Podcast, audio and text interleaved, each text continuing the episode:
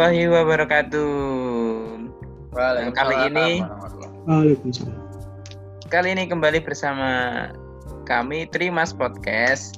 Pada episode kali ini kita episode khusus yaitu tribute to Didi Kempot. Jadi kita dapat kabar yang mengejutkan hari ini, tepatnya tadi pagi kita telah ditinggalkan oleh maestro kita, maestro musik uh, di Indonesia yaitu uh, the Go- the Godfather of Broken Heart Didi Kempot. Jadi di sini ada saya Suwandi.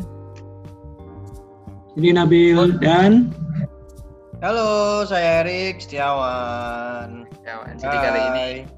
eh, episode kali ini kita sus- khusus sekali untuk membahas eh, tentang eh, perihal eh, Didi Kempot atau The Godfather of Broken Heart. Jadi eh, sudah kita ketahui di skema musik campur sari ini Didi Kempot adalah legenda ya. Belakangan namanya mulai dikenal oleh kalangan muda masa kini. Jadi tidak Banget hanya ya. orang-orang yang zaman dulu tapi uh, anak muda zaman se- sekarang juga sudah uh, tahu beliau gitu. Yoi. Terus uh, khususnya untuk para milenial kaum kaum milenial yang mereka limbung dan kapiran dalam urusan percintaan. Nah, uh, Godfather of Broken Heart sosoknya lewat karya-karyanya menjelma menjadi pengayom dan rumah bernaung bagi mereka yang kepingin merayakan ah, patah hati. Nah, jadi kesempatan kali ini kita akan membahas uh, ya sedikit ngobrol-ngobrol lah uh, Hmm. tentang beliau gitu dan karya-karyanya. Oke, yang pertama Bill, Rick, Ya. Oke. kalian berdua penikmat campur sari nggak sih, Rick? Bill? Dari mungkin Erik dulu. Kalau saya sih eh, dari waktu saya kecil ya memang sejak lahir itu memang eh, difamiliarkan dengan lagu-lagunya Didi Kempot, termasuk album-album yang dulu gitu. Jadi ya dengan adanya eh, berita tadi pagi eh, Didi Kempot atau eh, sang maestro ini meninggal dunia, saya juga kaget gitu. Yang kamu nih Bill gimana Bill? Nah, kalau saya mungkin nggak kayak Erik dari dulu ya. Saya baru aja kenal lagu-lagu Jawa itu waktu eh, sama kalian ini. Jadi apa, eh, apa sering banget dengerin terus akhirnya suka dan eh, ditambah lagi waktu saya internship kan jauh dari Jawa. Kemudian rindu gitu kampung halaman. Jadi eh, saya melepas kangennya dengan eh, mendengarkan lagu-lagu itu dan saya terkenal di sana juga kalau nyanyi apa lagu Jawa gitu saya di garis depankan itu sih Eh, dan Didi Kempot emang eh, luar biasa sih lagu-lagu. Kaget nggak Bill? ya kaget lah itu apalagi pada kondisi seperti ini covid langsung yang langsung yang tercetus tuh apa dia kena covid apa dia kena covid tapi kayaknya enggak ya Hmm. Berarti kalian berdua eh, apa namanya satunya yang ngikutin dari dulu dan Nabil hanya baru-baru barusan aja ya, Mm-mm. Bill. itu kan Tapi apa, memang. Heeh. Itu kan Gimana, booming Bil? lagi gara-gara ada tuh rumah blogger ya klub blogger blogger dari Solo itu Mm-mm, uh, me- me- memproklamirkan bahwa Didi Kempot itu Godfather of Broken Heart. Jadi langsung langsung ya diundang gitu. Terus langsung apa kaum muda itu langsung eh, langsung menikmati gitu menikmati Hmm. ulang gitu. Kayak kayak kayak dulu sempet sempet apa sempet hidup terus habis itu vakum terus itu hidup lagi kayak gitu itu karena itu dari awalnya itu dari komunitas broker itu yang ternyata. Berarti apa namanya? eh Nabil baru ya, maksudnya baru mengikuti belum lama gitu ya. Mm-mm. Kalau saya sih dulu sudah pernah yang eh apa namanya kuncung-kuncung gimana lagunya? Cilianku Ah itu, saya pertama kali eh, tahu Didi Kempot dari lagu itu malah Ini di Kempot dulu per- pernah lihat video klipnya tapi tidak Saya itu. cuma cukup tahu aja karena lucu lucu liriknya Iya, kan zaman dulu ya lucu. zaman kecil ya tapi mulai intens kita harus akui Bil yang menginfluence saya atau dan Nabil karena kita satu circle ya sering dengan Erik akhirnya kita sering terpapar gitu dengan karena Erik sering mendengarkan kita jadi sering terpapar gitu ya jadi Iya. seneng seneng seneng lagunya ya gimana memang Iya. enak kok dengerin Ah, gitu enak kok. Nah, jujur saya jujur saja saya bukan penikmat satu musik khusus genre itu enggak saya semua Hmm. genre ya saya nikmati asal enak denger ya saya ini aja gitu. Nah, ini kan eh, Rick sejauh mana sih sama Nabil kalian ngikutin Didi Kempot? Kalau kamu? Kalau aku ya ya itu aku sebenarnya eh, tahu pertama kali dari lagu Kuncung terus setelah itu intens karena media exposure media sekarang kan luar biasa ya. Ada YouTube itu gampang lah akses. Nah semenjak ada YouTube itu ya jadi mulai tahu oh dulu itu eh, ada layang kangen ada hmm, Cidro ada apa namanya eh apalagi yang eh, dulu-dulu yang Cidro layang kangen yang dan sebagainya gitulah yang Kuto. apa?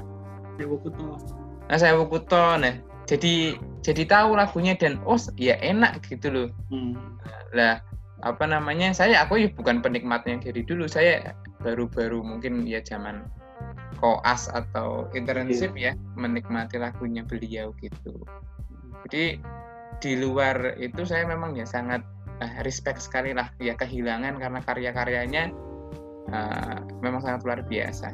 Hmm. gimana? Bill nanti Erik na- nanti Erik terakhir gimana Bill kamu Bill emang emang lagunya luar biasa lah. Meskipun dinyanyikan dengan tidak campur sari itu emang Mm-mm. kena banget. Contohnya itu saya dulu pernah dulu suka namanya bossa nova Jawa iya pesan Jawa itu kan juga pakai lagu-lagunya beliau. Itu enak banget. Kukira lagunya siapa? Ternyata lagu-lagunya beliau. Saya juga baru tahu sekarang. Jadi emang eh, media sosial tuh luar biasa lah untuk eh, membawa informasi yang dulu jadi sampai sekarang. Kita jadi tahu enak lah lagunya. Nah, ya. Jadi ya kamu gimana Erik? Kalau Sejauh saya mana?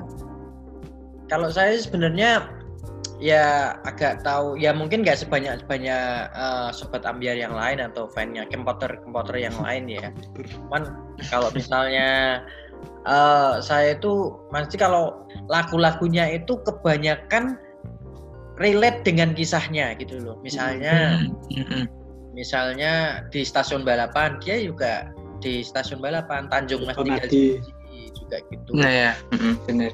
Banyulangit itu juga sama di Nah. Wonosari di Wonosari sana juga ada itu eh, apa tempatnya itu juga ada Hmm. terus Ngawi gitu juga Pantai Layar juga ada yang Hmm. yang sekarang-sekarang ini gitu Niheri kangen Niheri itu kan Niheri itu kan sebuah provinsi di Suriname sebenarnya Hmm, Dan ada gitu. banyak lagi itu kisah-kisahnya Luar yang biasa relate sekali ini. Tap, tap, tap. makanya kita bisa terhipnotis bro iya, benar benar benar. Memang ya kurang lebih ya, karena kita sering bareng selera musik kita akhirnya saling ini ya eh, apa ya Mengerti. tertular gitu ya. Bill, Rick, ya. Heeh. Masih inget nggak lagu kalau aku kan tadi udah bilang aku lagu pertama kuncung nih. Lagu pertama eh, kali mendengarkan Didi Kempot itu kuncung. Kalau kalian berdua apa? Dari Erik dulu.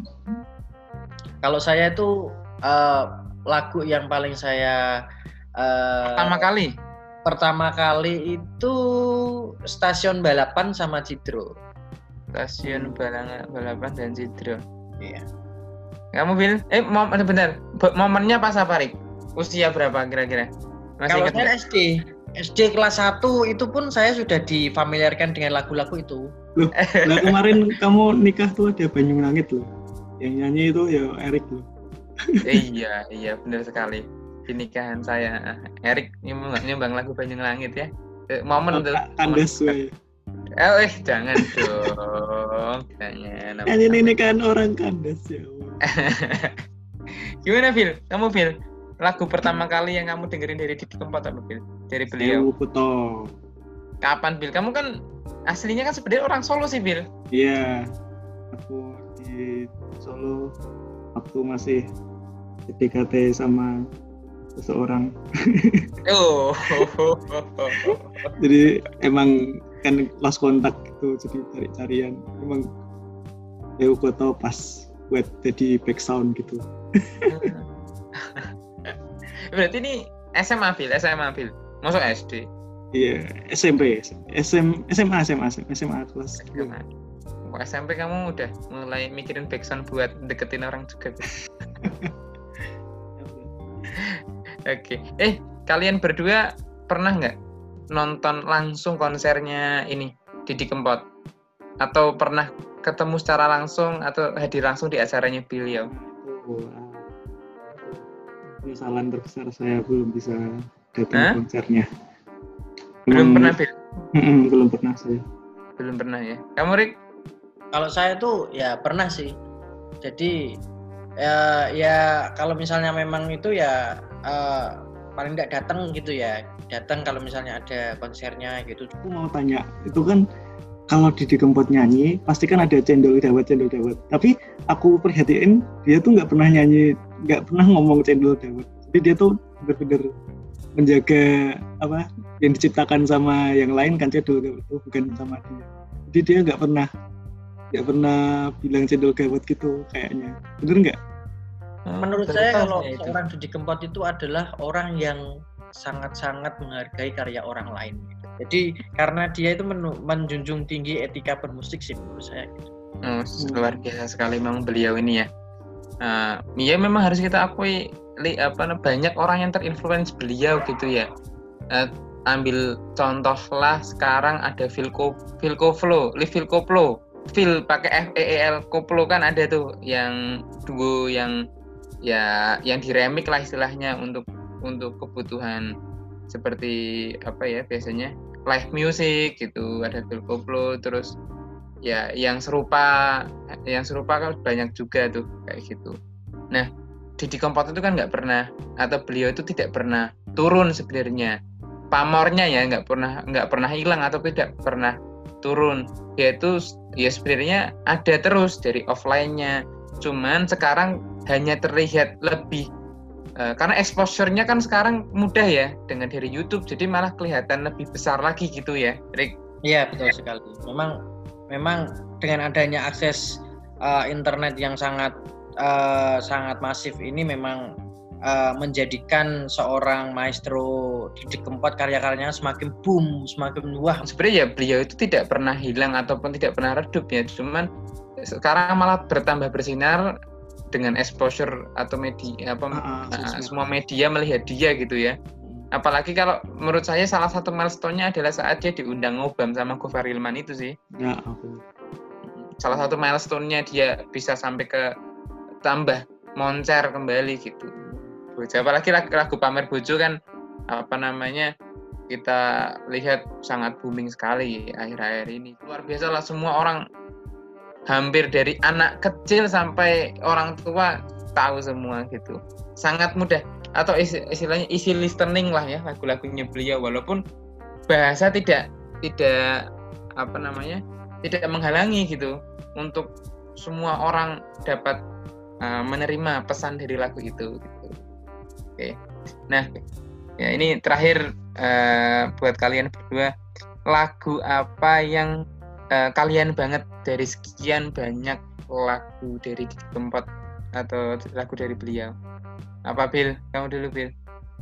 Jelas Sewu Kuto tadi. Saya tau ya. tetap Karena ya. saya harus melewati Sewu Kuto untuk bisa dengan yang sekarang. Eh, Wah. Eh, Jadi wah, ini perlu dibilangin sama yang ini mbaknya enggak? ya dia dengerin sendiri. Tapi dengerin nggak, Phil? Gak tahu ya. Oke. Kamu, Rik? Kalau saya tuh yang paling saya apa senang itu adalah album-album yang zaman dulu sih. Paling saya suka itu sebenarnya em, aku Dudu Rojo. Ya, kalau saya pribadi sih, ya tadi kuncung ya. Karena video klipnya dulu ya ini memori zaman kecil video klipnya lucu dan uh, apa namanya uh, liriknya juga lucu gitu aja sih dulu tuh itu tapi kalau sekarang ya suka semua tapi yang paling uh, melekat di ingatan saya si kunjung itu. Uh, jadi sebenarnya kita sudah tahu tadi kita doakan saja uh, semoga beliau dapat diterima di sisinya semoga khusnul khotimah dan karya-karyanya tetap dapat kita nikmati jadi uh, sampai nanti anak kita sampai itu akan menjadi warisan uh, untuk generasi berikutnya gitu ya Oke, sekian dari kami episode dadakan ini, episode tribute untuk uh, The Good Father of Broken Heart yaitu uh, almarhum Didi Kempot. Sekian dari kami. Assalamualaikum warahmatullahi wabarakatuh.